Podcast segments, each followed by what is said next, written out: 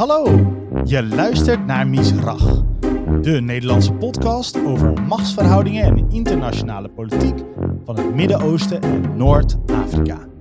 Mijn naam is Jos Hummelen en we gaan zo direct beginnen aan een gesprek dat je nergens anders hoort.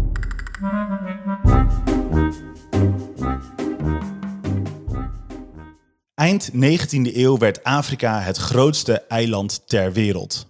Er kwam een artificiële grens te liggen tussen het Midden-Oosten en Afrika en we noemden dat het Suezkanaal. Het Suezkanaal maakte het niet langer nodig om de kaap te ronden, om met Aziatische goederen naar Europa te kunnen. Je kon nu binnendoor. Maar in 1956 maakte de Egyptische president Nasser de brutale geopolitieke move door dit kanaal te nationaliseren. Het Suezkanaal was vanaf toen van Egypte. Dat pikte Frankrijk en Engeland niet. Israël viel de Sinaï-woestijn binnen en Franse en Britse troepen zouden niet lang daarna Egypte bombarderen en zelfs delen ook bezetten. Wat ons betreft is de Suezcrisis en de internationale reactie een heel belangrijk moment in de wereldgeschiedenis. Het machtsevenwicht verschoof. Dit had consequenties in Europa, in Afrika en in het Midden-Oosten. En daar ga je achter komen in deze podcast. Dus blijf luisteren. Mijn naam is Jos Hummelen. Je zou me kunnen kennen van de Afrikast of van Misrach. Deze podcast is een samenwerking tussen beide podcasts. Als je normaal gesproken de Afrikast luistert, probeer dan ook eens Misrach. En uh, andersom natuurlijk. Misrach gaat over Midden-Oosten. Afrikast, naam zegt het al, over Afrika. Uh, beide ontzettend interessant. Misrach schrijft trouwens als M-I-Z-R-A-C-H. En als je altijd de Afrika's luistert, dan zal je niet verbaasd zijn dat naast mij achter microfoon nummer 2 Juri Nortier zit. Goed om hier weer te zijn. Ja, een poosje terug hè. hey, uh, Juri, de Suez-crisis, is dit een historische gebeurtenis die bij jou direct een belletje doet rinkelen? Ik moet heel eerlijk zeggen dat mijn geschiedenisleraar uh, blijkbaar een soort van uh, preoccupatie met het jaar 1956 had. Want oh, echt? de Suezcrisis en de Hongaarse opstand en uh, het binnenvallen van de Sinaï is zo vaak de revue gepasseerd. Dat ik bijna denk dat ik een expert ben, maar laten we dat maar niet uh, zeggen. Want volgens mij zitten we hier met een echte expert over de Suezcrisis. Dat zitten we zeker. We zitten namelijk uh, in de Cargador met een uh, hoogleraar internationale betrekkingen van de Radboud Universiteit in Nijmegen. Dat is Bert-Jan Verbeek. Hartelijk welkom. Dankjewel. In Misrach en in de Afrikast, meteen maar. Fantastisch om een dubbelslag te maken. Hatsi flatsi. Nou, we hebben ontzettend veel te bespreken. En die Hongaarse opstand, ja, daar zeg je me wat. Dat was natuurlijk ja, de, de reden dat uh, ja, ze wilden eigenlijk, de, de geallieerden of de Amerikanen wilden juist aandacht op die Hongaarse opstand. Maar die ging al, dat ging allemaal naar de Suez. Uh, ja, jij dacht dat uh, 2020 een uh, druk jaar was voor internationale betrekkingen, maar 1956 konden ze er ook wat van. Nou, laten we daar helemaal gaan induiken. Eerst even het tijdsbeeld, meneer Verbeek. Of Bert-Jan, want ik mag tutoyeren, hoorde ik net. Dank daarvoor. Um, nou, ik denk dat je niets van deze kunt, crisis kunt zeggen als je niet beseft dat het midden in de Koude Oorlog was. Hè? Ja, dat is een belangrijk startpunt. Uh, wat we in wezen zien is dat Engeland en Frankrijk in ieder geval claimen dat ze mede de oorlog zijn begonnen om te voorkomen dat Egypte zou afdrijven naar het communisme en zouden willen voorkomen dat uh, de Sovjet-Unie zich zou gaan bemoeien met uh, Egypte en daardoor met het Midden-Oosten.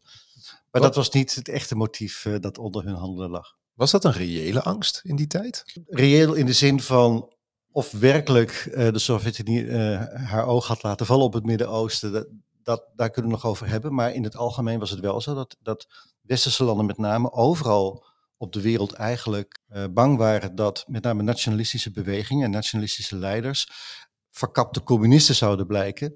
En eigenlijk wat we zien eigenlijk al vanaf uh, het moment dat uh, Nederland uh, in Indonesië een, kolonisatieoorlog gaat voeren, waar we eigenlijk ook claimen van ja, dat doen wij, want Sukarno was een verkapte communist.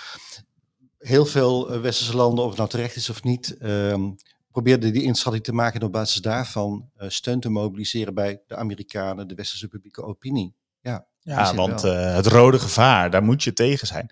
Ja, maar dat was ook wel terecht, uh, gedeeltelijk, denk ik. Uh, want ik zie het zo, dus vertel maar hoe ik het beter moet zien, want wij zijn echte leken in de Afrikast. Egypte was nog blanco, zullen we maar zeggen, had nog geen partij gekozen. Aan de ene kant kregen ze wel steun om bijvoorbeeld de Aswan-dam te bouwen.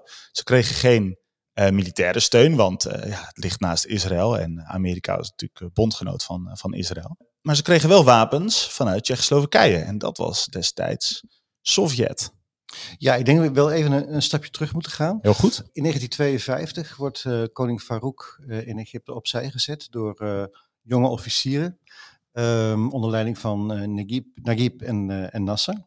Niks nieuws in Egypte, gebeurt wel vaker. Dat gebeurt wel vaker. Die, die militairen die daar de macht toen grepen, waren zelf wel ontevreden over hoe aan de ene kant Egypte uit de oorlog was gekomen in 48, 49 tegen de nieuwe staat Israël.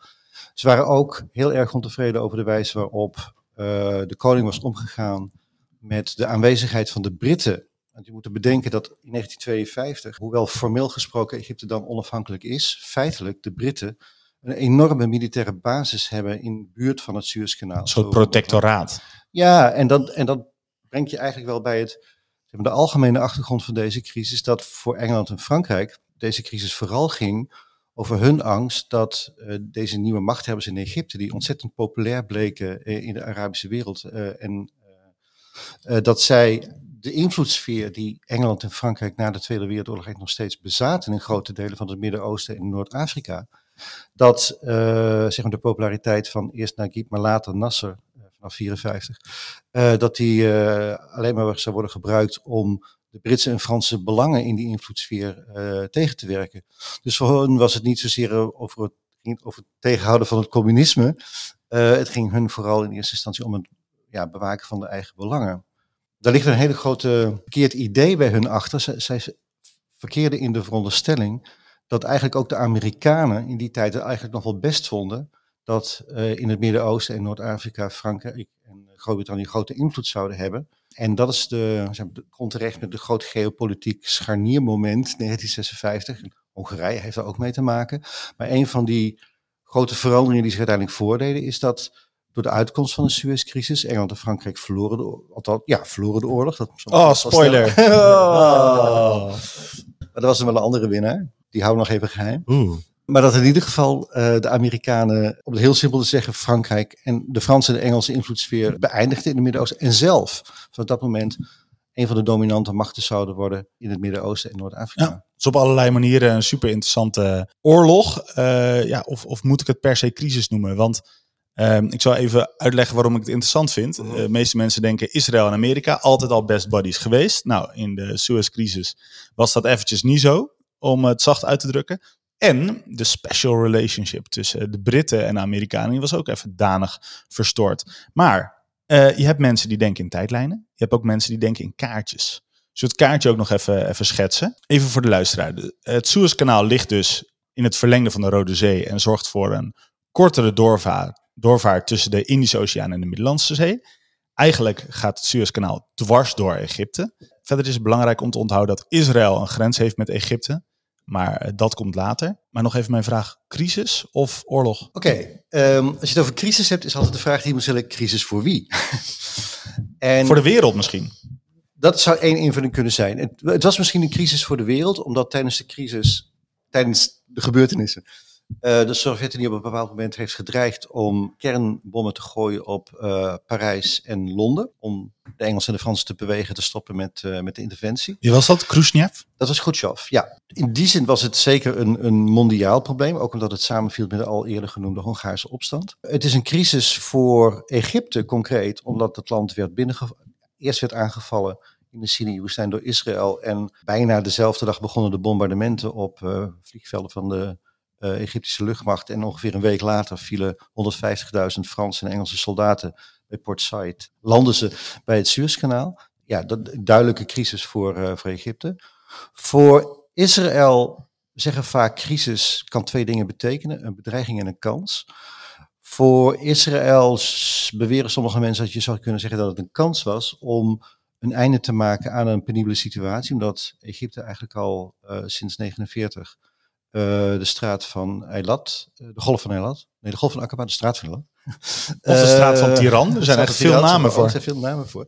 Bij Sharm el-Sheikh, dat zal iedereen wel over eens zijn, uh, blokkeerde, zodat eigenlijk Israël wel uh, economisch en politiek in de problemen zat door die Egyptische handeling. En de plan, waar we misschien wel terugkomen, van de Franse generaal Charles om Israël te laten aanvallen als voorwensel voor Groot-Brittannië en Frankrijk om als zogenaamde politieagenten dan de orde te herstellen bij het Suezkanaal. Dat, dat was het officiële verhaal. Wel lekker white savior complex, hè? Ja, nogal. Maar dat was voor de Israëlische regering onder Ben Gurion wel een, hoewel ze heel erg aarzelen of ze wel in zee zouden gaan met een land dat ze eigenlijk niet vertrouwden, Groot-Brittannië. Dat zij dat toch als een mogelijkheid zagen om een einde te maken aan wat Israël zag als uh, aanvallen van wat heet de Fedayim, Palestijnen net over de grens bij Gaza en in de, in de Sinai. En die waren wel bij de Gaza, maar niet eigenlijk in de Sinai. Maar dat zeiden ze natuurlijk wel, want dan konden ze de Sinai binnenvallen. Dat speelde mee en zij, en zij konden op die manier de blokkade van de straat van Tiraan uh, beëindigen. Uh, maar hoefde daarvoor niet per se het Suezkanaal te bereiken. Het was genoeg geweest om een aantal strategische passen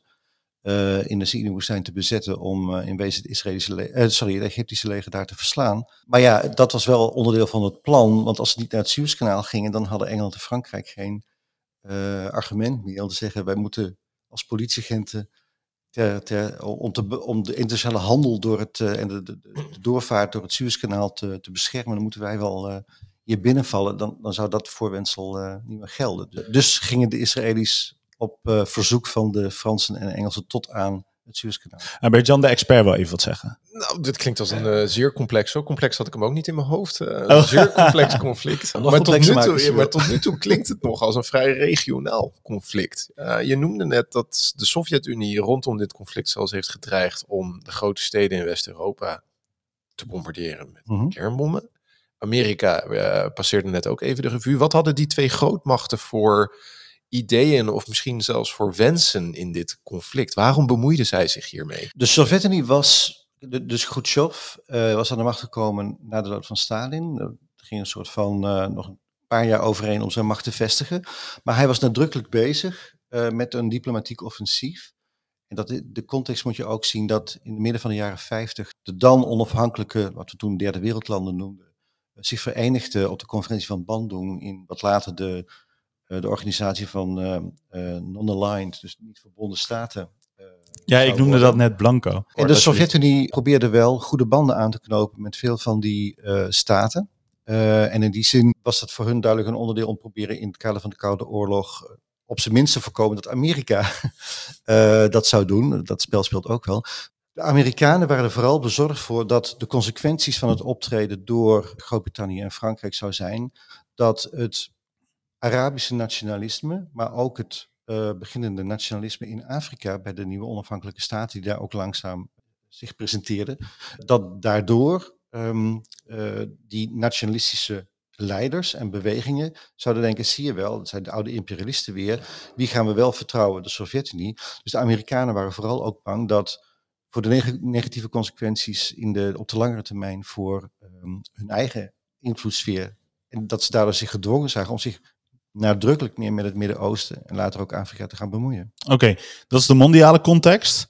Uh, we zoomen even in op het, uh, op het uh, conflict zelf, hè, dus in de Sinaï en rond het Suezkanaal. Ik som nog eventjes alle spelers op, hè, want het ging zelfs onze expert Juri al een beetje duizelen. Moet je nagaan. Maar dus, je, hebt, je hebt op mondiaal niveau heb ja. je de Verenigde Staten en de Sovjet-Unie. Je hebt de westerse machten eigenlijk, Groot-Brittannië en Frankrijk. En dan heb je Israël speelt een rol. Dat is natuurlijk een land in het Midden-Oosten. En uh, Egypte zelf. Um, even voor de luisteraar, zometeen komen er waarschijnlijk wel wat uh, namen langs. Maar Nasser is natuurlijk de zeer populaire, charismatische Egyptische leider. Dan heb je Eden, dat is de uh, premier van Groot-Brittannië in die tijd. Klopt. Molin van Frankrijk. Premier van Frankrijk. En ja. we kennen natuurlijk allemaal Dwight Eisenhower. Wat is de middelste letter van Dwight Eisenhower, Yuri? Ik dacht een W. Dwight D, denk ik. Dwight D. Okay. Ik win maar weer. waar die voor staat, weet ik ook niet. David, nee, weet ik ook niet. Ik. Niemand. Nee, volgens mij is het alleen die. Alleen het is gewoon die. alleen die. Dat is grappig, hè? Oké, okay, um, we, gaan het, uh, we gaan het enigszins chronologisch uh, doorlopen. Maar dan moeten we natuurlijk eerst even wat meer weten over dat, dat Suezkanaal zelf. Wanneer kwam dat af? Het Suezkanaal zelf was in 1869 uh, klaar en werd toen geopend. Daar hebben ze tien jaar over gedaan. Gebouwd door uh, een, vooral een Frans bedrijf. Uh, maar heel veel Egyptische werknemers, Heel veel Egyptische werknemers, vaak onder dwang. Er zijn iets van 30.000 arbeiders ook gestorven aan cholera, met name tijdens de bouw. Net ja. als Panama-kanaal. En, maar dan was dat geloof ik met die vliegjes. Malaria. Malaria. Ja, Jori is back in the game. 1-1. Van wie was dit kanaal toen het eenmaal af was? In het begin was het eigendom van Frankrijk en Egypte. Maar op een gegeven moment kon de Egyptische uh, leider kon niet langer de, de rente betalen. Was dat die Farouk? Nee, nee, Farouk is pas een half jaar Oh ja, tuurlijk, ja. En uh, verkochten ze uh, de aandelen, om, zeg maar, op de eigendom, het eigendom dat Egypte had, verkocht ze aan Groot-Brittannië. En dat was nogal wat, dat was 44 procent. Klopt. Dus het is eigenlijk een soort bedrijf. Ja, en in die zin is het ook niet zozeer waar het vooral op gaat. Technisch gesproken is de nationalisatie in 56 van de Suezkanaal maatschappij, van, van dat bedrijf inderdaad. En de aandelen van die maatschappij waren vooral in handen van Franse en Engelse aandeelhouders. Dus, dus technisch gesproken werd niet betwist dat het kanaal e- eigendom was van Egypte. Zeg maar de, eigendom van de maatschappij die zorgde voor het uitvoeren van, nou ja, van de dienst door het kanaal. En je, hebt loodsen nodig om door het kanaal te komen. Je kunt er niet zomaar doorheen. En, en daar moet je dan ook geld aan betalen. Dat was in handen van Franse en Engelse aandeelhouders. Er werd wel een belangrijk verdrag gesloten later. Dat wordt wel vaker gedaan bij dit soort wegen. Ook Panama en de, uh, de Dardanellen uh, zijn zo. Waarbij de, deze waterweg werd verklaard tot een uh, internationale waterweg. Ook al was het eigendom van Egypte en liep het door Egyptisch, laten we zeggen, grondgebied. En dat betekende dat Egypte verplicht was om daar al het verkeer doorheen te laten gaan. Ook militair verkeer ja, wel een belangrijke kant om, om Ja. dat te beseffen. Dus het gaat eigenlijk militair verkeer ook dwars door je land heen. Dus. Ja, en dat mag je niet tegenhouden eigenlijk als land. Dan ben je in, in overtreding van dat internationale verdrag. Maar goed, so far so good. Er was een eh, maatschappij, er was een internationaal verdrag. Iedereen blij. En toen eh, dacht Nasser, eh, wacht eens even, hier is Egyptisch bloed is, is gespeeld. En het is eigenlijk ons, ka- ons kanaal. Ik ga het nationaliseren. Is dat eigenlijk legaal? Het was het nationaliseren van het bedrijf. Daar zijn heel veel debatten over in hoeverre je, bedrijven mag, internationale bedrijven mag nationaliseren. In beginsel gaat men ermee akkoord als er compensatie is en er niet al te veel dwang in de zin van tegenover individuele eh, medewerkers en zo plaatsvindt. Maar het is niet zeg maar ongewoon dat staten internationale bedrijven nationaliseren. Maar je moet dat wel doen in overleg en wat ik zei, met compensatie voor geleden leed. En dit ging niet echt in overleg, denk ik. Nee. Maar anderzijds, Nasser zou claimen dat ook Egypte had geleden. Want je noemde in het begin ook al de Aswandam. De aanleiding eigenlijk was dat eh, Engeland, eh, nee, dat zeg ik fout, de Verenigde Staten. En omdat de Verenigde Staten deden, gingen de Engelsen met hun mee. Niet langer akkoord gingen met het verschaffen van een lening, wat ze eerder hadden aangeboden samen met de Wereldbank, voor het creëren van de Aswandam. Die Aswandam was erg belangrijk voor de ideeën in Egypte voor het ontwikkelen van het land. En ja, evident, eh, reguleren van, van, van het water. eh, dus de hele, hele Egypte immers is afhankelijk van. eh, En ook een stukje de trots. Hè? Wij hebben een keer naar Afrika. Als je, als je, dat is trouwens in Misrach. Als je met een maritieme bril kijkt, dan weet je ook dat dammen zijn een soort consolidatie van macht. Hè, het is letterlijk hè, dik beton. En daarmee kan een leider laten zien: kijk, dit kan ik voor elkaar krijgen. Zeker. En zo'n dam is bij uitstek zoiets. Dus dat, dat was misschien ook wel eh, op de teentjes mee. van Nasser. En in die zin, toen in, in het voorjaar van 1956 uiteindelijk eh, dat geld niet meer beschikbaar was, wilde Nasser wel die dam bouwen. En was zijn plan, nou ja, dan gaan wij de, de inkomsten uit het kanaal, ons kanaal, wat loopt door Egypte en het is van ons, gaan, willen wij gebruik maken van, van die, eh, die loodsgelden om die, de bouw van die Aswandam te kunnen eh, financieren. En dat was de aanleiding. Ja, op, op 26 juli 1956 kondigde voor tegenover een enorm enthousiaste massa op straat aan dat het, eh, het kanaal op dit in zijn woorden op dit moment van ons is. Want op dat moment hadden zich met de loodsen gestopt en de, bedrijf, de bedrijfshallen bezet. En was het effectief van hun. Nou, dat is eh, lokaal een grote overwinning. De Egyptenaren helemaal trots op hun lijden en op hun land. Maar hoe reageerde de rest van de wereld? Nou, iedereen was een, be- een beetje geschrokken. Dat eh, natuurlijk mensen denken van, oh, dan komt misschien het verkeer in het kanaal tot stilstand. En dan, nou, dat hebben we twee jaar geleden ook gezien, dat er een, omdat er een, eh, Het Evergreen. eh, precies, die, die dwars ging liggen letterlijk. Eh, het zijn vooral de Engelsen en de Fransen die erg eh, bang zijn. En dat heeft dan te maken met twee dingen. De Engelsen eh, zijn uitermate bang dat dit nog meer het, de populariteit van Nasser zou versterken, die in hun ogen vanaf 4, 55 bezig was om overal in, de, eh, in het Midden-Oosten eh, nationale, nationalistische bewegingen te steunen. Tegen eigenlijk de, de machthebbers in een aantal landen zoals Irak en Jordanië. En Algerije, daar komen we ook zo meteen op. Zo met de Fransen, die eigenlijk een soort van, nou vazallen is een groot woord, maar waar in ieder geval Groot-Brittannië grote invloed had over wie feitelijk in die landen uh, in de regering zat. Zodat ze eigenlijk op een informele manier, zouden we dat noemen, nog steeds probeerden uh, invloed uit te oefenen in, in het Midden-Oosten. En Groot-Brittannië zag dus Nasser als het grote kwaad om eigenlijk allemaal groeperingen op te zetten tegen hun bondgenoten, laat het zo maar uitdrukken, in, die, in het Midden-Oosten. De Fransen waren heel erg bezorgd, omdat zij Nasser zagen, of Nasser als de personificatie eigenlijk, van de, de Egyptische steun aan de onafhankelijkheidsbeweging in Algerije. In 1954 is het grote conflict uitgebarsten in Algerije. Algerije is om heel veel redenen ontzettend belangrijk voor uh, Fransen, de Franse regering en Fransen in Frankrijk. En uh, de Fransen denken eigenlijk dat als zij uh, Nasser kunnen uitschakelen, dat ze dan eigenlijk ook het, de, de steun aan, die zij essentieel dachten, de steun aan de onafhankelijkheidsbeweging van Algerije zou, zou stoppen. Waardoor zij, dat voor hun makkelijker zou zijn om Algerije Frans te houden. Dus dat was een soort van bijna automatische bondgenootschap tussen, tussen Frankrijk en, en Groot-Brittannië. Oké, ja. genoeg suspense, Juri. The shit hits the fan. Het uh, Suezkanaal is genationaliseerd. Laten we die hele Suez-crisis stap voor stap uh, doorlopen. Britten en de Fransen maakten een plan met de Israëli's in Frankrijk. Wat was dat plan? Oké, je moet daarbij bedenken dat de Britten met name, die hebben wel een beetje de leiding in het spel in het begin. Die proberen eerst op allerlei manieren uh, Nasser te dwingen eigenlijk om de nationalisatie op te geven. Als dat niet lukt, proberen ze uh, Nasser te provoceren. Ik had het net over dat er ook uh, marineschepen door het kanaal moeten. Dus toen dachten de Engelsen, weet je wat, we sturen een Brits oorlogsschip door het kanaal in de verwachting dat dat zou worden geweigerd. En dan dachten ze, oh, dan hebben we een casus, casus belli. Maar dat Beetje uitlokken dus eigenlijk. Weet je wel, dat gebeurde dus ook niet. Daarvoor was ook nog de uh, Suez-conferentie. Precies. Ik dacht, we slaan wat over, maar we hebben echt met de wetenschapper te maken, Jori. Ja, en in die conferentie wordt een zogenaamde uh, dat heet, uh, Users Association uiteindelijk opgericht. De Suez Canal Users Association. Daar gingen de, de Franse en de Engelse schoorvoeten mee akkoord. In de verwachting dat die Users Association dan de loodsgelden zou innen. En niet de Egyptische regering, zodat ze toch nog een soort van controle weer over Egypte zouden krijgen. Dat zouden ze wel dan nog een acceptabel compromis hebben gevonden. Genoeg een soort van diplomatieke nederlaag van Nasser, zeg maar, om dan geen oorlog te voeren. Maar toen zei de Amerikaanse minister van Buitenlandse Zaken Dulles van, ja, ja die, die associatie, ja, dat is ook maar een beetje de bedoeling om dus de boel bij elkaar te houden. Niet dat ze echt uh, iets, uh, iets gaan doen. Nou, toen waren de Engelsen en de Fransen helemaal gefrustreerd.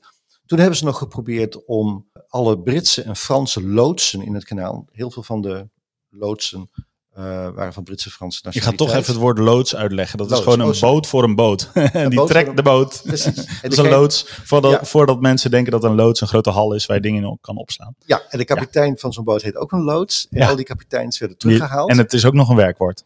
En toen was het de verwachting, of dat verraadt toch ook wel een beetje denk ik, toch wat, nou laat ik zeggen, negatief kijk op de Egyptenaren in het algemeen van de Fransen en Engelsen. Uh, de verwachting was eigenlijk dat, dat de Egyptenaren niet in staat zouden zijn om uh, de schepen door het kanaal uh, te laten lo te loodsen.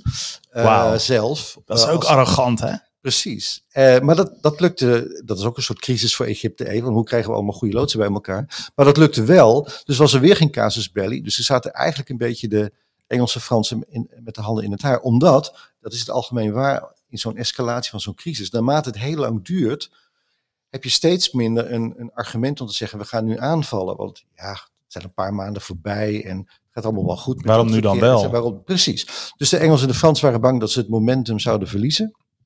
En toen kwam er een, een Franse generaal, uh, Maurice Charles, en die had het idee, nou, als we nou Israël vragen om een aanval uit te voeren op het Suezkanaal, dan kunnen wij, Frankrijk en Engeland, zeggen wij zijn politieagent. We moeten de, stabiliteit en het verkeer in het, uh, in het Suezkanaal garanderen. Dan komen wij tussen beide, tussen de strijd. Eigenlijk het Suezkanaal ontzetten.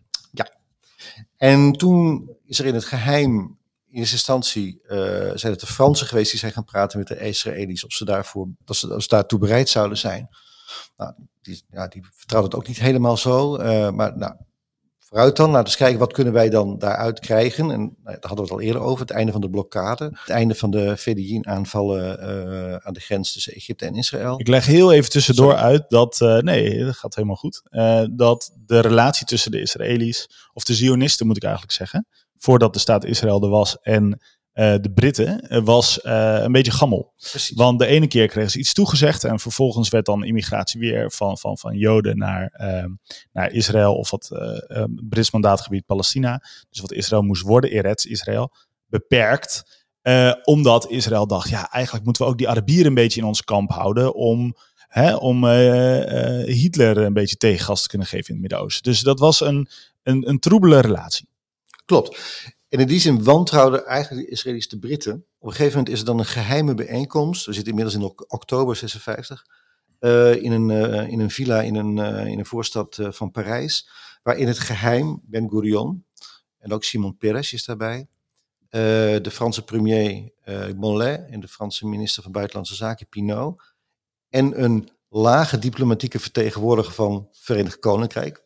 Want de Britten willen geen handen schudden met de Israëli's die wel komen tot een formeel akkoord, uh, een echt internationaal verdrag, waarin ze minutieus met elkaar afspreken wat er gebeurt. Dus de Israëlische aanval op het kanaal, bommen, dan Israëlisch eisen garanties dat, dat, dan de Israëlische, dat de Egyptische luchtmacht eigenlijk eh, uit de lucht wordt geschoten, bij wijze van spreken. Dus beloven de Engelsen de Fransen om meteen ook te gaan bombarderen. Die dan die aanval die dan uiteindelijk moet leiden tot de interventie als politieagenten door Engeland en Frankrijk. Nou, er zijn uh, dat wil ik toch wel vertellen. Een van, de momenten, een van mijn mooiste momenten als onderzoeken was toch wel. Want er is altijd, lange tijd is het ontkend dat dat verdrag heeft bestaan. Waarschijnlijk heeft de Engelse premier het verbrand. Het verhaal is dat, de, de, kopie, de Engelse kopie. Het verhaal is dat de Franse premier de Franse kopie ergens in een kist heeft uh, gestopt. Dat hij nog steeds bij de weduwe, altijd, die is nu ook overleden, maar in ieder geval bij de toenmalige weduwe van die premier ergens uh, ja, in huis stond. Maar niemand heeft hem ooit gezien. Maar in Israël zijn er altijd vrij open over geweest. En die schaamden zich er niet voor. Ik was ooit in, uh, in Beersheba, uh, op de universiteit daar. En daar vlakbij is de kibbutz van, waar Ben, ben Gurion zeg maar zijn laatste jaren heeft gesleten. Daar is ook een bibliotheek. En er was niet de echte versie van het contract, want dat was in het archief Jeruzalem, maar wel een fotocopie. En voelde zo trots dat ik dat in handen mocht houden. Eerlijk gezegd. Je had een stukje ja, internationale schaamte bestaat, gevonden. Ja. Het bestaat. Uh, maar goed, dus er was een, uiteindelijk dus een geheim uh, verdrag. En, nou, dan ontvouwt zich die crisis op dat moment. Maar ja, de buitenwereld snapte er natuurlijk helemaal niks van. Want waarom zouden hemelsnaam de Engelsen gaan bombarderen? Dat begreep al niemand. En toen gingen er ook eens een keertje allemaal uh, schepen op weg over de Middellandse Zee. Want dat is het tragische in dit geval dat het duurde in die tijd nog vrij lang voordat je zeg maar, vanaf de Engelse en Franse marinebasis op Malta, in noorden van Algerije, Gibraltar, Cyprus, voordat die hele vloot met 150.000 soldaten in Port Said zou zijn. Dus er waren vijf dagen, zou dat duren. En in die vijf dagen, ja, dat is dan een window of opportunity voor de internationale publieke opinie in de Verenigde Staten om te mobiliseren in de Verenigde Naties. Worden de Engelsen en de Fransen opgeroepen te stoppen met, deze, uh, met, met dit beleid. Uh, alle partijen worden uh, opgeroepen tot een wapenstilstand. Israël wil eigenlijk dan wel stoppen, maar de Engelsen en de Fransen nee, je moet doorgaan, want wij moeten die soldaten laten landen daar bij Port Said. Nou, Israëlische. Ja, want Israël had, uh, had, zijn doelen bereikt. Had zijn doelen bereikt Precies. in het zuiden van de Sinaï. Ja. Gezorgd dat die straat van, uh, van Tiran of uh, Aqaba of hoe je het wil noemen. Eilat kan ook nog. Ja. Eilat ja. weer, weer vrij is, zodat Precies. daar doorgang was. Ja, die, zelfs de Franse en de Engelse ambassadeur bij de Verenigde Naties begrijpen er niks van, want die waren niet ingelicht over dit plan. En de Franse ambassadeur dus echt, heeft een, een hartaanval gekregen tijdens, de, tijdens die stemmingen. Is helemaal overstuur. Maar uiteindelijk wordt door die internationale publieke opinie uiteindelijk de Engelsen wel, ja, die krijgen wel door van, ja, dit gaat misschien niet goed. Maar wat doen ze dan? Willen ze nog meer haast maken en dan besluiten ze om uh, de aanval uh, te vervroegen in zekere zin en dan toch maar de parachutisten uh, meteen te laten droppen, voordat er zeg maar genoeg steun zou zijn om dat is eigenlijk het doel, om een voldongen feit te creëren. Want dat is wat ze willen. Van, als we er eenmaal zijn, nou, dan moeten ze met ons onderhandelen. Oké, okay, dus nog even samenvattend. Aan het begin van, de, van, van deze oorlog eigenlijk, eh, zoals ik het dan nu even noem, zeg maar on the ground, is dat eh, de Israëli's de Gazastrook, dan komen we zo meteen in het stukje wat je alleen via Misrach kan horen nog op terug, de Gazastrook uh, overwinnen op de Egyptenaren, helemaal naar het zuiden trekken, eigenlijk het puntje van de Sinai-woestijn. Kent gebied als je, als je uh, een Jood bent. En dan ga je helemaal weer terug naar het, naar het noordwesten.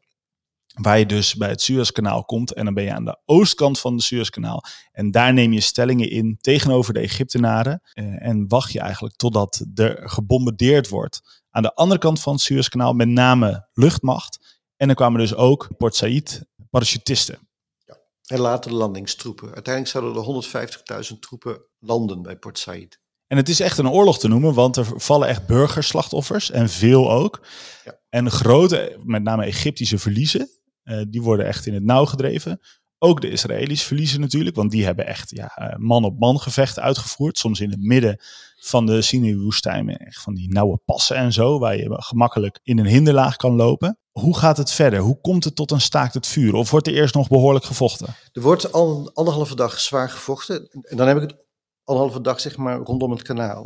Er wordt natuurlijk feitelijk al veel gevochten door die bombardementen, om zo maar uit. Dat is dan al een week aan de gang. En ook de, de gevechten tussen de Elis en de, en de Egyptenaren in de Sinai-woestijn. Wat er dan gebeurt is dat de Amerikaan, nou, Amerikanen zich vooral mee gaan bemoeien. Kijk, wat er dan gebeurt is dat economisch gezien het, het pond onder druk komt te staan. Het Engelse pond. De waarde van de pond daalt gigantisch snel. En om dat proberen tegen te houden, willen eigenlijk de, de Engelsen hun reserves bij het Internationale Monetaire Fonds, landen hebben daar zeg maar, goud en geld gedeponeerd, die willen ze eigenlijk terugroepen om ervoor te zorgen dat ze daarmee hun pond uh, kunnen blijven ondersteunen. Maar het Internationaal Monetair Fonds is natuurlijk van de Verenigde Naties. Nou ja, er is het wel mee verbonden, maar het gaat vooral om wie, hoe de beslissingen worden genomen bij het Internationaal Monetaire Fonds. En dat, dat is een heel ingewikkeld procedé waarin landen net zoveel stemmen hebben als ongeveer geld inleggen. En concreet betekent dat dat de Verenigde Staten, toen de tijd in ieder geval, genoeg stemmen in het IMF hadden om elke beslissing te blokkeren. Uncle Joe was geen vriend. En dat deden ze. Ze, ze blokkeerden dus de aanvraag van de Engelsen om de reserves terug te halen. En toen waren er mensen in het Britse kabinet, en met name de latere premier Harold Macmillan, die toen minister van Financiën was, die zei van ja, dan, ja, dan is het voorbij. En toen was er geen eenheid meer in het Britse kabinet om door te gaan. Toen belden ze naar, uh, naar de Fransen, ja, we gaan ermee stoppen. De Fransen wilden eigenlijk doorgaan. Maar het komische, maar ook tragische voor de Fransen was dat troepen waren geland. En die probeerden in een kolonne eigenlijk dan op te rukken naar het zuiden, naar Suez. En de hele kanaalstrook te bezetten. Maar eigenlijk was er maar één weg aan de westkant van het kanaal, die van Port Said naar Suez liep. En dan moesten al die tanks en al die soldaten over die ene weg. En de Engelsen en de Fransen hadden afgesproken ooit ja, dat de Engelsen de leiding zouden hebben. Dus de Engelsen stonden voorop. En die stopten, terwijl de Fransen, nou, wij willen door. Nee, File, stauw. Maar dat was wel het, uh, uh, de situatie. Dus ja, toen konden de Fransen eigenlijk ook niet meer door. En toen, uh, na anderhalve dag, is toen een staakt het vuur afgesproken. En toen vertrokken ze met de staart tussen de benen? Niet meteen.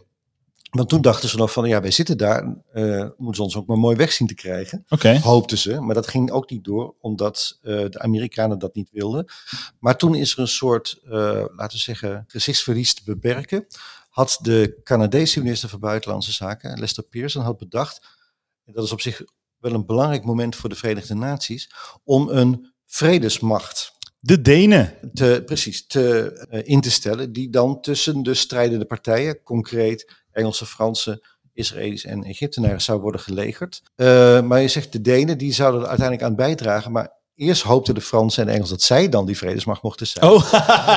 dat ging niet door. Je wij van WC Eend. Uh... Het is wel een beetje doorzichtig hoor. Ik vind het dit doorzichtig, maar ik vind het ook doorzichtig dat Israël aanvalt en dat je direct eigenlijk daar al ongeveer paraat staat. Hè, dat, is, dat is doorgestoken kaart, dat zie je gelijk. Nou, dat, dat gebeurde ook meteen. Dus heel veel uh, debatten in het Engelse lagerhuis gingen over de vraag van, was dit van tevoren afgesproken? De premier bleef ontkennen in het lagerhuis. Hij moest het ook met een aftreden uiteindelijk bekopen, zou blijken. Maar, maar niet omdat hij weggestemd is. Maar, Zijn gezondheid. Uh, nee, het was een interne coup in de conservatieve partij, zoals wel vaker. Oh. um, en, um, maar wel met het argument gezondheid, daar heb je gelijk in. Uh, en de Amerikanen gaan dan wel akkoord met zo'n vredesmacht. En, dan, uh, en dat is belangrijk, omdat dat, hoewel er wel eerder we hebben natuurlijk zeg je dat, waarnemers uh, al tussen de grens tussen Libanon en Israël. Dat is uh, vrij vroeg ontstaan, in 48, 49 al. En er zijn waarnemers al rond 47, 48 in het conflict tussen Pakistan en India. Maar een echte grote vredesoperatie, laat het zo maar uitdrukken. Weliswaar beperkt in de zin van het scheiden van de vechtende partijen. Dat was nog niet eerder op zo'n schaal geaccepteerd. En in die zin is dat voor de ontwikkeling van de Verenigde Naties en de rol van de Verenigde Naties bij het oplossen van internationale crisis wel heel belangrijk geweest. Dat dat als zeg maar uh, bijvangst, laat het zo maar uitdrukken, bij deze crisis uh, uiteindelijk kwam. Kort en goed, de Engelsen en de Fransen moesten uh, uiterlijk in januari 57 het land hebben verlaten. En dat hebben ze ook gedaan. Voordat we het verder gaan hebben over de gevolgen van de Suezcrisis op Afrika, tenminste als je naar de Afrika's luistert, en de gevolgen in het Midden-Oosten als je naar Misrach luistert.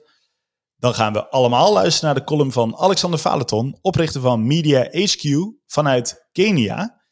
Hij heeft een column geschreven over de gevolgen van het kanaal zelf. Alexander, ik ben weer benieuwd. Ga je gang. Kom, we gaan een mindgame spelen.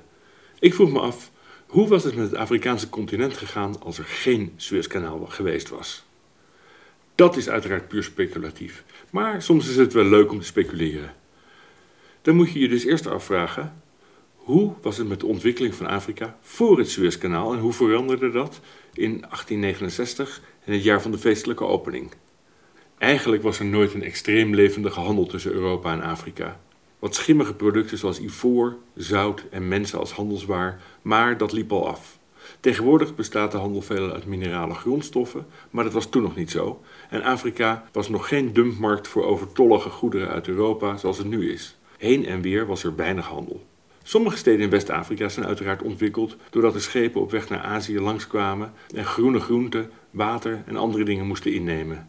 Misschien is het wel indicatief dat een van de meest in het oog springende kledingstukken in West-Afrika de gebatikte sarongs uit Indië zijn. Die werden geruild voor water en vitaminerijke groenten voor de schepen. Flisco uit Helmond maakte deze Dutch wax en dat maken ze nu nog steeds. Op een, een of andere manier klinkt dat toch als een flinterdunne en immer terugkerende anekdote en niet als een enorme boost van de Noord-Zuid-balans. Hoewel ze daar in Helmond vast anders over denken. Eigenlijk was ook die ruilhandel al op zijn retour omdat de zeilschepen, die relatief langzaam voeren, vervangen werden door stoomschepen. Tussenhavens werden dus al sowieso minder aangedaan. Wel was er handel tussen de steden op het continent, maar die ging veel meer met kleine bootjes over rivieren dan over de gevaarlijke zee. En de vraag blijft, en nu een beetje specifieker, zouden steden in Afrika zich anders ontwikkeld hebben als het Suezkanaal er niet was geweest? Kijk nog eens naar de kaart. Het meest uitstekende, westelijke puntje van Afrika is, naast de eilandjes van Cabo Verde en zo, Senegal. Ieder schip dat vanuit Europa op weg was naar Azië of op de terugweg, moest om dit punt heen. Dus als er één plek geweest was die geprofiteerd zou hebben van de langsvarende schepen, dan zou dat Dakar geweest moeten zijn. Nou is Dakar wel een van de leukste steden van Afrika en het bonkende hart van Afrika francofoon. En die rol heeft het vast ook door de mooie ligging aan zee, maar niet door de florerende zeehaven. En toevalligerwijs was Dakar ook de eerste stad in Afrika waar ik ooit voet aan land zette, maar dat is irrelevante informatie. Of Dakar nou heel erg geprofiteerd heeft van deze unieke ligging en de haast ideale natuurlijke haven op de handelsroute, dat vraag ik me af. Ile de Gorée, vlak voor de kust, was wel een plek waar veel slaafgemaakten werden ingeladen en is daardoor een historisch dramatische plek. Iets ten noorden van Dakar, in Saint-Louis, kwamen de producten uit wat nu de Sahel heet bij elkaar en werden daar vandaan, maar ook vanuit andere steden, ingeladen en getransporteerd. Maar de Sahel produceerde niet zoveel. En het was ook geen levendig afzetgebied voor Europese goederen. De havens hier zijn klein gebleven en ingericht op de lokale visindustrie en de regionale handel. Nauwelijks op de handel tussen Europa en Azië. Er was gewoon niet zoveel te verhandelen. Als je verder naar het zuiden gaat, ga je al vrij snel de bocht om. Côte d'Ivoire heet niet voor niets zo. Inladen dat ivoor. En verderop ligt Ghana, het toenmalige goudkust. Ook een mooi product voor Europa. Elmina is ook een mooie handelsplek met een imposante geschiedenis. Maar eigenlijk lag het al van de route toen het Suezkanaal werd geopend. Want als je om Afrika heen vaart, snij je als eerste de oksel van Afrika af. En vaar je dus in een rechte lijn van Dakar naar Kaapstad, van het westelijkste naar het zuidelijkste puntje. De Britten deden uit nostalgische redenen misschien Sint Helena nog aan voor de post. De Portugezen voeren naar Luanda en Angola. En de Belgen tikten Brazzaville en Congo aan. Maar dat had allemaal niets met de opening van het Suezkanaal te maken. Maar alleen met de export van hout en andere handelswaar. De strapatsen van de kolonisatie. In Kaapstad dan. Had Kaapstad het Singapore van Afrika kunnen worden? Oef, dat is echt appels met peren vergelijken. Naast de superstrategische ligging zijn er nog wel meer overeenkomsten, maar er zijn toch voornamelijk verschillen. Misschien is het belangrijkste verschil wel dat het achterland van Singapore bestond en bestaat uit heel vruchtbaar en relatief vlak land met miljoenen mensen die ingesteld zijn op handel en als mieren bezig zijn een economie uit de grond te trekken die gebaseerd is op groei. Terwijl het achterland van Kaapstad onherbergzaam en droog is met relatief weinig mensen die veelal bezig zijn met een economie die bestaat uit consolidatie. Toen er nog met relatief kleine schepen gevaren werd, werden de havens in Oost-Afrika nog aangedaan. Maar toen de schepen groter werden, kwamen die er alleen als er iets fout ging. Vanuit Zuid-Afrika werd er zo snel mogelijk afgesneden naar Ceylon. De havens in Oost-Afrika waren interessant voor de lokale handel en een beetje voor de schepen die naar de Persische Golf en die regio gingen. Maar dat was een fractie van wat er naar het Aziatische subcontinent en Oost-Azië ging. Misschien moet je dus de vraag omdraaien om op een antwoord te komen. Zijn er steden die juist door de aanleg van het Suezkanaal extra ontwikkeld en gegroeid zijn? Weer even de kaart erbij nemen. De steden in de Middellandse Zee zeker, zoals Marseille en Genua. Die zijn gegroeid door het Suezkanaal, maar we hebben het over Afrika. In de Rode Zee zijn er eigenlijk weinig steden aan de Afrikaanse kant. Op de andere oever wel. Maar ik denk dat Mekka zich meer heeft ontwikkeld door de bedevaarders dan door de handel. Jemen ligt wel super strategisch, maar heeft weinig vruchten geplukt door politieke voorkeuren en binnenlandse rotzooi. Uiteraard is het onmogelijk om met zekerheid te zeggen, maar de bloei van Djibouti komt zeker door de goede ligging. Een fijne opportunistische houding als het gaat om het verhuren van land aan militaire mogendheden. De Amerikanen, de Britten, Chinezen hebben een plekje voor hun marine gehuurd, net als de Fransen, de Duitsers, de Italianen en zelfs de Saoedi's. Het is een klein landje, dringen dus. Zonder Suezkanaal was de Rode Zee een saaie plas geweest en nu een drukke handelsroute. En daar heeft Djibouti wel degelijk iets aan. Door hun instabiele en ruziende buren winnen ze extra aan belang. Djibouti zorgt vooralsnog voor rust en veiligheid en verdient er stevig aan. En nu we het over rust en veiligheid hebben, ik vraag me af of er ooit iemand berekend heeft hoeveel de piraten over de jaren heen hebben buitgemaakt op de schepen die van en naar het Suezkanaal gingen. En hoe dat in de havensteden tussen de golf van Aden en Mombasa geïnvesteerd is. Misschien is dat wel de grootste financiële impuls in Afrika geweest als gevolg van de opening van het Suezkanaal. Naast de rinkelende kassa van Djibouti uiteraard. Dank Alexander Valaton van Media HQ. Wat is eigenlijk de invloed van het Suezkanaal op het Midden-Oosten?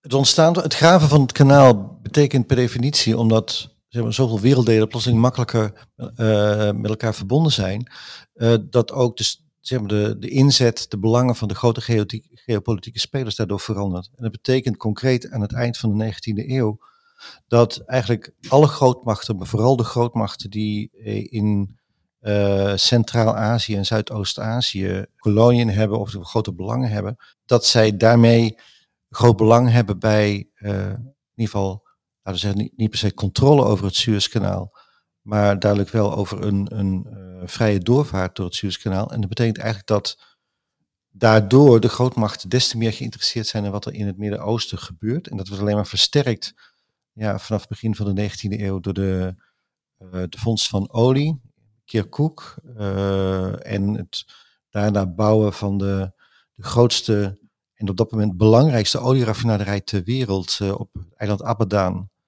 in de Chatel Arab van, van toen nog Perzië, nu Iran. Waardoor bovendien de Amerikanen uiteindelijk in de Tweede Wereldoorlog een deal sluiten met de Saoedi's over de ontginning van, van de exploitatie van olie door Amerikaanse oorlogs, uh, oorlogs, oliemaatschappijen. Ja, dus uh, eigenlijk... Waardoor eigenlijk, dus door de handel met de koloniën en het belang van de olie en de, uh, de strategische locatie van het Suezkanaal, daardoor bijna alle grootmachten per definitie een belang hebben bij dat alles goed gaat met het Suezkanaal. Ja, precies. Ja. ja. Zou je het nu ook nog zien als een als echt een plek waar, je, waar de ogen van de grote macht op gefixeerd zijn. En waarbij, ze, waarbij ook de ogen van bijvoorbeeld Israël, Saudi-Arabië, Iran, ja, toch wel gericht is op, uh, op, op het Suez, de toegang daartoe? Ja en nee. Ik denk enerzijds dat zeg maar, de spanning iets minder is nu er vrede is tussen Egypte en Israël. Dat, dat maakt zeg maar, de situatie rondom het kanaal zelf stabieler. Ik denk dat de ogen van de wereld voor een deel meer gericht zijn op de Persische Golf. En uh, vanwege de gespannen verhouding tussen veel landen met Iran. Ja. en dat door de Maar anderzijds, de nieuwe zijderoute, laat het zo maar zeggen, van, van China. Aan de ene kant versterkt hij nog steeds het belang van het kanaal, omdat nog steeds juist ook in de, de expansie van de Chinese economie uh, naar Afrika en naar Europa toe uh, via het Suezkanaal ook wel gaat. Anderzijds worden ook door als straks de, de noordelijke polroutes uh, beschikbaar komen door het smelten van het ijs, de opwarming van de aarde, ontstaat er ook wel weer een nieuwe handelsroute die potentieel wel iets meer minder handel misschien door het Suezkanaal laat gaan vanuit Oost-Azië. Ja, dat dat voorzie ik wel. Dus dan wordt het zou weer iets minder belangrijk worden. Dus ja, maar nooit onbelangrijk. Hoe invloedrijk waren de Britten en de Fransen in het Midden-Oosten, Paul, na de Tweede Wereldoorlog?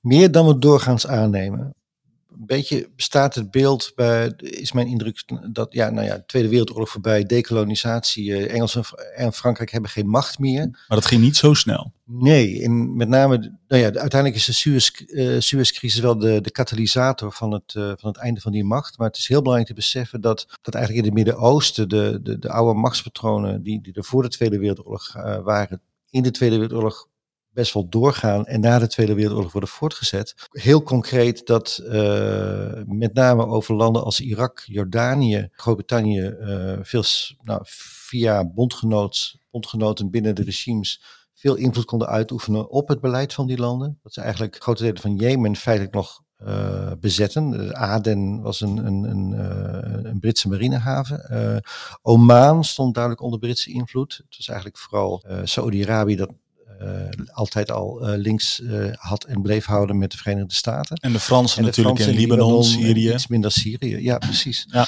En op die achtergrond speelt ook mee dat wat de, de Engelsen probeerden te doen was het creëren van een soort veiligheidsalliantie. Dus vergelijkbaar met de NAVO, dat zij zelf het Baghdad-pact noemden. Waar landen als Turkije, Iran, Pakistan en Irak aan deel gingen nemen. De Engelsen probeerden heel veel invloed uitoefenen op heel, ook op Egypte, maar ook op andere landen om daar lid van te worden. En dan zie je iets wat, uh, ja natuurlijk, uh, al heel lang in het Midden-Oosten speelt tot op de dag van vandaag, maar dat eigenlijk de Britten door het creëren van zo'n uh, alliantie, vooral geleid met, met, met, grote spelers als Turkije en iets mindere mate Perzië, nu Iran, dat zij eigenlijk het machtsevenwicht tussen de dus de staten in het Midden-Oosten ook probeerden te beïnvloeden. En naarmate op een gegeven moment Naguib en Nasser in Egypte uh, belangrijk worden, proberen ze eigenlijk Egypte weg te houden van het regionaal leiderschap. Ja, dus precies. Dat, dus, dus niet alleen binnen landen zorgden ze precies. voor ja, dat, dat zeg maar het muntje hun kant op viel, maar ook tussen landen, ja. regionale verhoudingen. Oké. Okay. Ja. En zorgt het Brits-Franse falen in die Suez-crisis ook voor een afname van de invloed in het Midden-Oosten? Of ging dat heel geleidelijk? Binnen een paar jaar zou ik zeggen. Je ziet het dat binnen twee, drie jaar eigenlijk de, uh, de bondgenoten uh, in, in Irak, met name in Syrië, van de Engelsen en de Fransen, dat er staatsgrepen worden gepleegd en die regimes uh, veranderen in regimes, vaak ook door militairen geïnitieerd, maar waarin hele nieuwe maatschappelijke klasse, middenklasse, eigenlijk vaak overheersend worden uh, in, in, die, in, in die nieuwe regimes. En die allemaal geïnspireerd worden toch door het Arabisch nationalisme dat door Nasser uh, werd gepropageerd. Je ziet in een land als, als Libanon dat eigenlijk weigerde om partij tegen Israël en tegen de Engelsen en Fransen te kiezen. Grappig genoeg, misschien niet vreemd gezien de Franse invloed in Libanon destijds nog. Maar dat na de crisis daar een, een, een, politieke crisis ontstaat. Waarin wordt geprobeerd om Libanon te laten aansluiten bij wat op dat moment heet de, de Unie tussen Syrië en Egypte, die in 1958 ontstaat. Dat leidt uiteindelijk tot een interventie van de Amerikanen niet willen dat Libanon zich aansluit bij, bij die Unie. En dat geeft alweer aan dat moment is aangebroken, zeg maar, dat het duidelijk was dat de Suez-crisis heeft geleid tot de, grote invloed van de Amerikanen nu in de regio. Want dat is de eerste keer dat de Amerikanen een, een militaire interventie plegen in het Midden-Oosten, in Libanon in 58. En dan weet iedereen in de regio hoe, ja, hoe belangrijk het is om nu ook met de Amerikanen rekening te houden. Oké, tot zover zeg maar het Midden-Oosten. Laten we inzoomen op één landje, uh, Israël, dat doen we vaker in Misrach. Engeland en Frankrijk dropen uh, van het slagveld af onder druk van de Verenigde Staten als uh, ja, nieuwe wereldleider. Uh, de Verenigde Staten wordt ook wel gezien als een bondgenoot van Israël. Daar hebben we een toffe aflevering over gemaakt met Bernard Hammelburg, die zeker het naluisteren waard is. Maar um, we hadden het er al eventjes over, hè, met die anekdote van, uh, van, uh, van jou in, in de kibbutz van David Ben Gurion. Ja, hoe kijkt Israël terug op de crisis? hoe maken zij de balans op? Ja, het is altijd wel interessant om te kijken hoe landen zelf deze crisis noemen. Wij noemen het de Suez-crisis. Uh, in Israël heet hij de Sinaï-campagne. En in die zin is het, dat, is wel tekenen. Want voor Israël lijkt het vooral een militaire operatie als een van vele. In het verlengde van de onafhankelijkheidsstrijd en misschien als voorbode op wat zou volgen in 1967. En zij hebben het nooit. Het, natuurlijk is het ook omdat zij deel uitmaakte van een beetje vreemd bondgenootschap met een beetje vreemd plan, om het zo maar uit te drukken. Dus ze willen het ook niet nadrukkelijk als een, als een oorlog en een politiek verschijnsel neerzetten, maar als een ja, heel beperkte militaire campagne. Dus maar toch, is, die campagne is dan niet gelukt. Uiteindelijk. Nou, voor Israël is in eerste instantie gelukt om de blokkade op te heffen van de, de straat van Elat. Ja. Maar Israël werd uiteindelijk wel ook gedwongen, ook mede door de Amerikanen, om de Sinai terug te geven en, ze hadden bezet aan Egypte. Ja, en niet alleen de Sinai, ook de Gazastrook. Ook de Gazastrook. En de VN-troepen die eerst bij het Suezkanaal zouden worden gelegerd en werden gelegerd, werden daarna gelegerd tussen Israëlische troepen en Egyptische troepen langs de, de traditionele, ik maar zeggen, Israëlische-Egyptische grens. Ja, bij de Negev. sorry? Bij de Negev-woestijn. Bij de Negev-woestijn. In die zin uh, kijkt Israël uh, uh, met gemengde gevoelens op terug, omdat vanuit Israëls perspectief het gevaar aan de grens wel weer terug was. Ook was de blokkade opgegeven. Maar ook de Gazastrook, want wat gebeurde daarmee? De Gazastrook, ja, die, die werd in eerste instantie weer toegekend aan, aan Egypte. Uh, en dat is dan pas in de oorlog van 67, de Zesdaagse oorlog, dat die toegevoegd, laat ik het zo uitdrukken, uh, aan Israël. Zie je deze crisis ook als, of de Sinai-campagne, als een voorbode voor de Zesdaagse oorlog? Wat je zou kunnen zeggen is, wat, wat, ik, ik maak een omweg, dat de Suez-crisis ervoor gezorgd heeft dat uh, voor, voor de Suez-crisis werd het Israël-Palestina-conflict zo, vooral zo gedefinieerd. Dus de, de oorlog van 48, 49 gaat om Israël-Palestina. Ja, de onafhankelijkheidsoorlog. Terwijl wat de Suezcrisis heeft gedaan, is eigenlijk het conflict een internationaal conflict maken. Het is een soort een conflict veel meer tussen Egypte en Israël. Zou je dan ook zeggen veel meer van, van Israëlisch-Palestijns naar Israëlisch-Arabisch? Juist. En dat in die zin de aard van het conflict veranderde. En ik denk dat je het in die zin wel kunt zien als een voorbode van de Zesdaagse Oorlog. Nou, die uh, omweg viel wel mee. Vond je niet, Jury? Om... Dat een, shortcut noemen we dit. Ja. nou, het is goed te merken dat ik soms ook meer to the point kan zijn dan sommigen. Er zijn, aan het begin zijn er wat kopstukken langsgekomen. Dat vind ik altijd interessant. De Israëlische kopstukken, die, die zijn we ook wel genoemd. David Ben Gurion, uh, de eerste premier. Maar je hebt ook de Havik Moshe Dayan. En ook Ariel Sharon, uh, die we allemaal wel kennen vanwege zijn tragische dood vanuit een coma. Um, kunnen we bijvoorbeeld die laatste even toelichten? Want die, dat was geloof ik een parachutist. Sharon was een parachutist en leidde een uh, parachutistencommando. Hij werd ingezet om een van de passen in de Sinai-woestijn te bezetten en te behouden totdat het Israëlische leger zeg maar, de groep zou hebben ontzet en de pad pas definitief zou kunnen bezetten. En was daar heel succesvol in. Hij heeft al een grote naam gemaakt als militair, juist in deze campagne, zoals de Israëli's zeggen. En heeft mede daar zijn, zijn, in ieder geval zijn, zijn militaire reputatie gevestigd, um, nog niet zijn politieke. Dayan als Havik inderdaad was nauw betrokken bij het uh, concreet opzetten van het plan van de Franse generaal, Charles. Was betrokken bij uh, de, de delegatie, de geheime delegatie die naar Frankrijk vloog, met Peres ook erbij. Uh, en Ben Gurion om de, het, contra het contract, het verdrag met Engeland en Frankrijk te sluiten. Dat jij in je handen hebt gehad? Dat ik in mijn hand, nou ja, de kopie ervan moet ik bekennen. Maar, goed, maar toch, het, uh, in die zin, ja, je ziet daar een generatie uh, militairen, laat ik het zo zeggen. Peres dan minder, maar die later na de, de, de, helden ook zullen zijn in de Zesdaagse Oorlog en daarna politiek een grote rol uh, gaan spelen. Dus dat is wel in die zin, maar dat is een beetje speculatief, denk ik wel, dat die situatie wel heel vormend voor hun is geweest.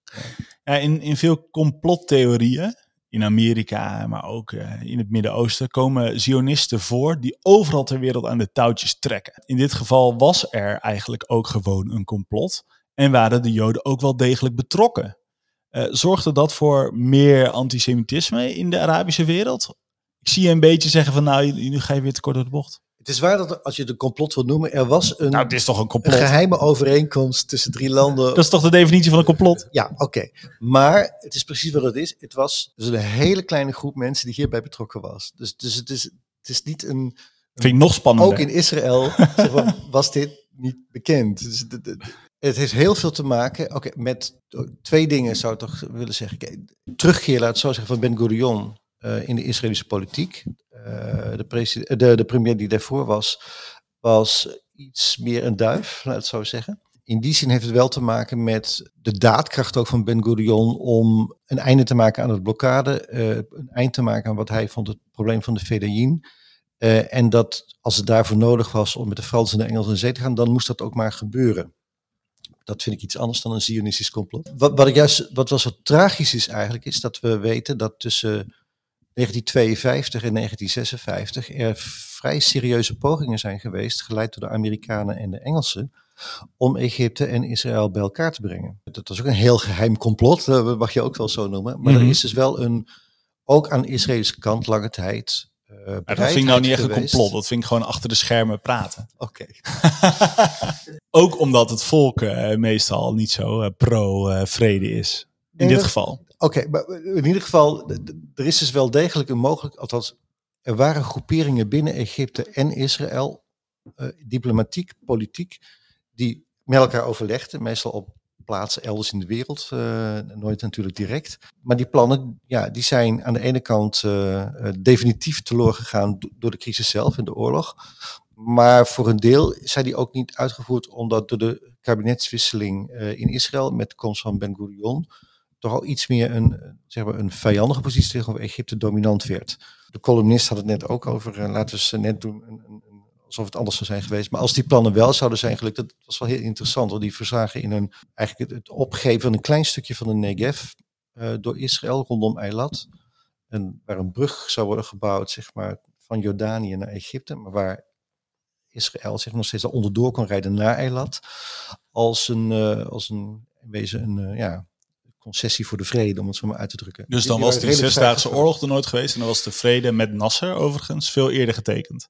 Ja, dat Als, als, als, als, als. Wie weet. Ja. Voordat we naar het laatste gedeelte van deze podcast gaan, krijg je nog even een tip van de redactie. Ga mee op studiereis met Sidi. We organiseren reizen voor onder andere journalisten, opiniemakers, juristen, politie en docenten.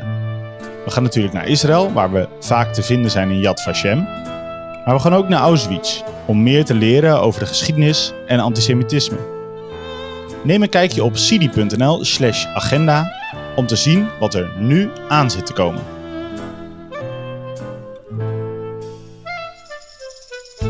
Jouw paper met de titel A Perfect Crisis Case nodigt uit om de vergelijking met het heden te trekken. Altijd fijn, altijd fijn. Want waarom is deze casus nog steeds relevant voor hedendaagse conflictstudies? Hij is relevant, zeg maar in het algemeen, als je over internationale politiek nadenkt, omdat het je helpt begrijpen hoe de Verenigde Staten uiteindelijk heel invloedrijk is geworden in het Midden-Oosten. Dat is denk ik heel erg belangrijk. Het helpt je ook begrijpen waarom de Verenigde Naties, dat toch best een organisatie is die een tijd erover heeft gedaan om gezag te winnen in de wereld, dat vergeten we ook wel eens, dat die zijn gezag wist te versterken, omdat als, als, als eh, bij, bijvangst van deze crisis het idee van vredesmachten ehm, eh, geaccepteerd is geraakt in de internationale politiek. En ik denk dat je voor een deel deze crisis ook nog steeds moet bestuderen, omdat je daardoor zicht krijgt op het, Arabisch nationalisme dat in de jaren 40 en 50 een hele grote eh, politieke invloed had. Dat ook is tegengewerkt door Amerikanen en Engelsen. Eh, tegen Mossadegh in, in Iran is een beroemd in 1954. En uiteraard ook de Suezcrisis in de zin van dat de Engelsen en de Fransen dat probeerden tegen te werken. Maar ik denk dat je dat nog steeds wel eh, helpt begrijpen. Ook bijvoorbeeld hoe voor een deel de Arabische lente eh, van een, een tiental jaren geleden eh medisch is ontstaan. Omdat het toch te maken, deels ook te maken heeft met een oprecht nationalisme in de Arabische wereld. Eh, waar westerse landen toch nog steeds, denk ik, vrij veel moeite mee hebben, omdat we dat vroeger geassocieerde met ja, angst voor communisme. En ik denk eh, nu iets minder misschien dan, dan, dan tien jaar geleden, maar eh, met angst voor terrorisme.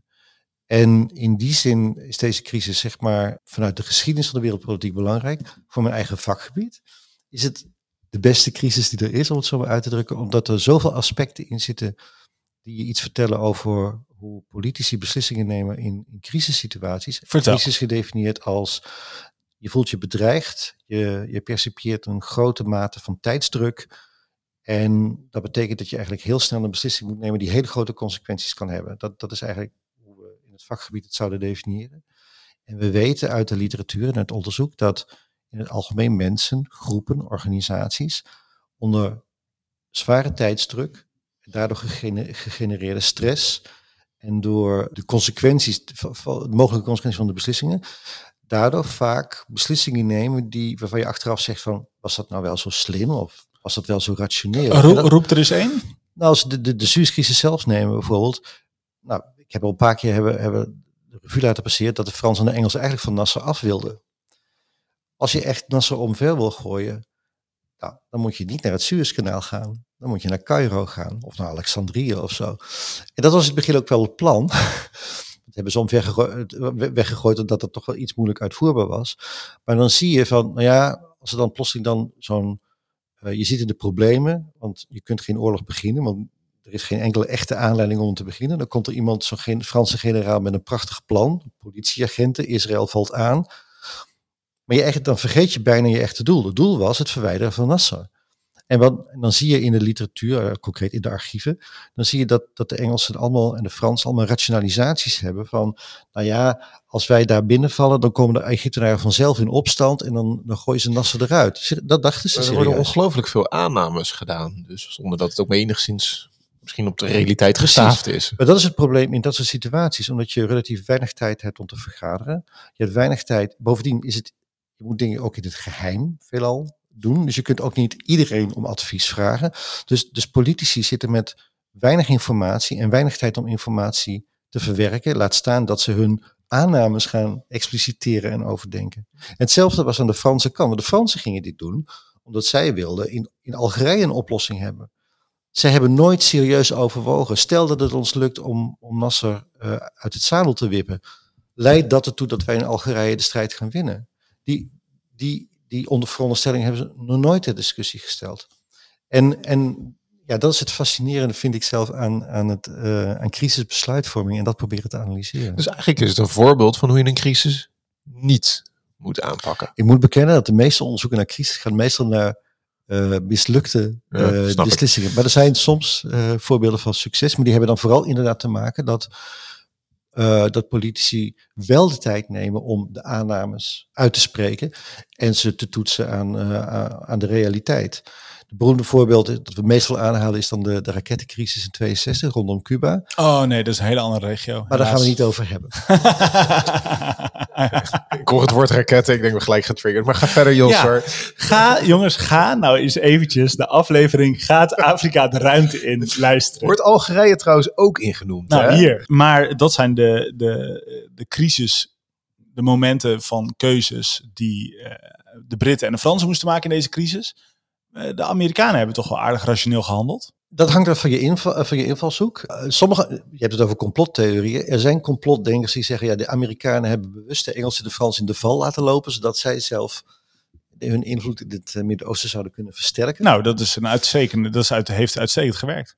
De, de uitkomst is zeker zo geweest, dat, dat klopt. Maar wat de precieze intentie van de Amerikanen waren geweest, dat is een beetje een raadsel, omdat eigenlijk de Amerikanen, eigenlijk tot, tot ver in 1956, samen met de Engelsen optrokken om eh, het, zeg maar de, de populariteit van Nasser eh, proberen te verminderen. Het waren uiteindelijk ook de Amerikanen die de lening, de beloofde lening voor de Aswandam terugtrokken, niet de Engelsen. De Engelsen gingen met de Amerikanen mee, omdat ja, had ook geen zin meer nu, maar...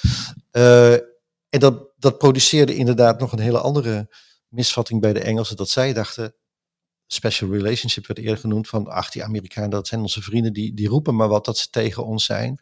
Eh, uiteindelijk accepteren ze wel en zien ze wel dat wij hier onze belangen verdedigen. En dat we voor, voor de Amerikanen zelf eh, de, kool uit, de, hete kolen uit het vuur aan het halen zijn.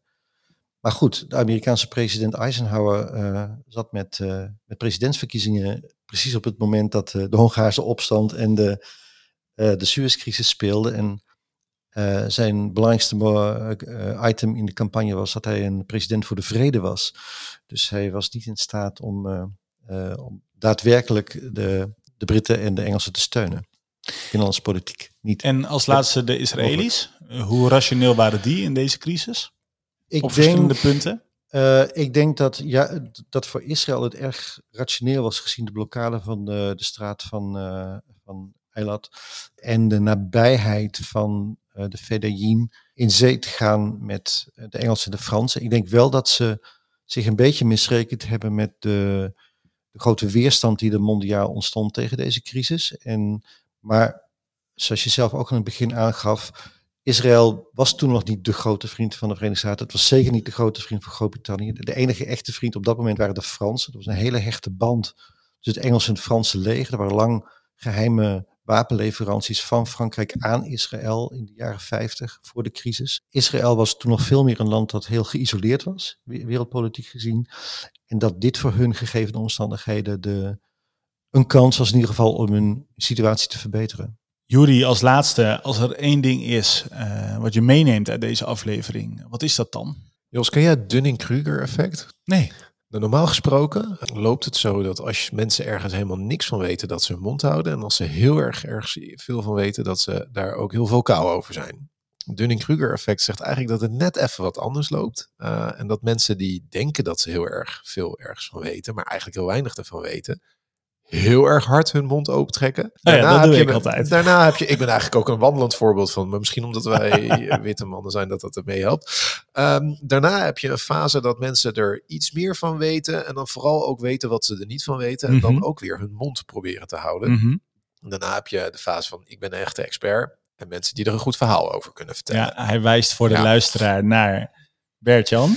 Um, ik ben een beetje van, uh, ik dacht dat ik er van alles van weet, uh, uh, dus ik doe alsof ik de expert ben. En wat vond je nou het meest nou, fascinerende onderdeel? Het meest fascinerende Ligt er dus onderdeel, één uit. en dan ga ik heel erg meta praten, maar ik dacht altijd dat de Suezcrisis de directe aanleiding was van een hoop decolonisatieprocessen in, in het Midden-Oosten, maar vooral in Afrika. Wat ik nu volgens mij ook een beetje geleerd heb, is dat die processen al lang gaande waren. En dat het Suez-crisis eigenlijk een resultaat daarvan is geweest. En dat het misschien een katalysator is geweest om bepaalde uh, geopolitieke ontwikkelingen sneller te laten verlopen.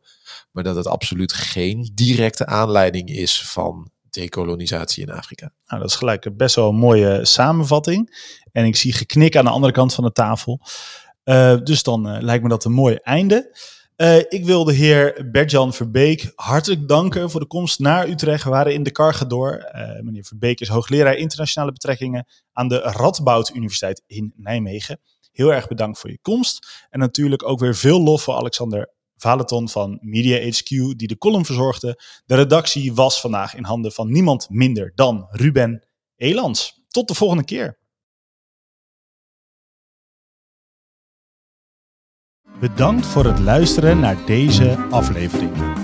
We willen de positie van Israël in de regio beter begrijpen en vandaag hebben we daar weer een stap in gezet. Vind Misrach op Spotify of je favoriete podcast app of ga naar ons moederschip sidi.nl. Raad deze podcast aan bij familie en vrienden. Tot de volgende keer.